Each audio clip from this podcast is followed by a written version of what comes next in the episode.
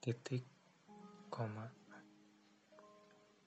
Sebuah tanda baca yang digunakan oleh penulis di saat ia berniat untuk berhenti, namun memutuskan untuk melanjutkan.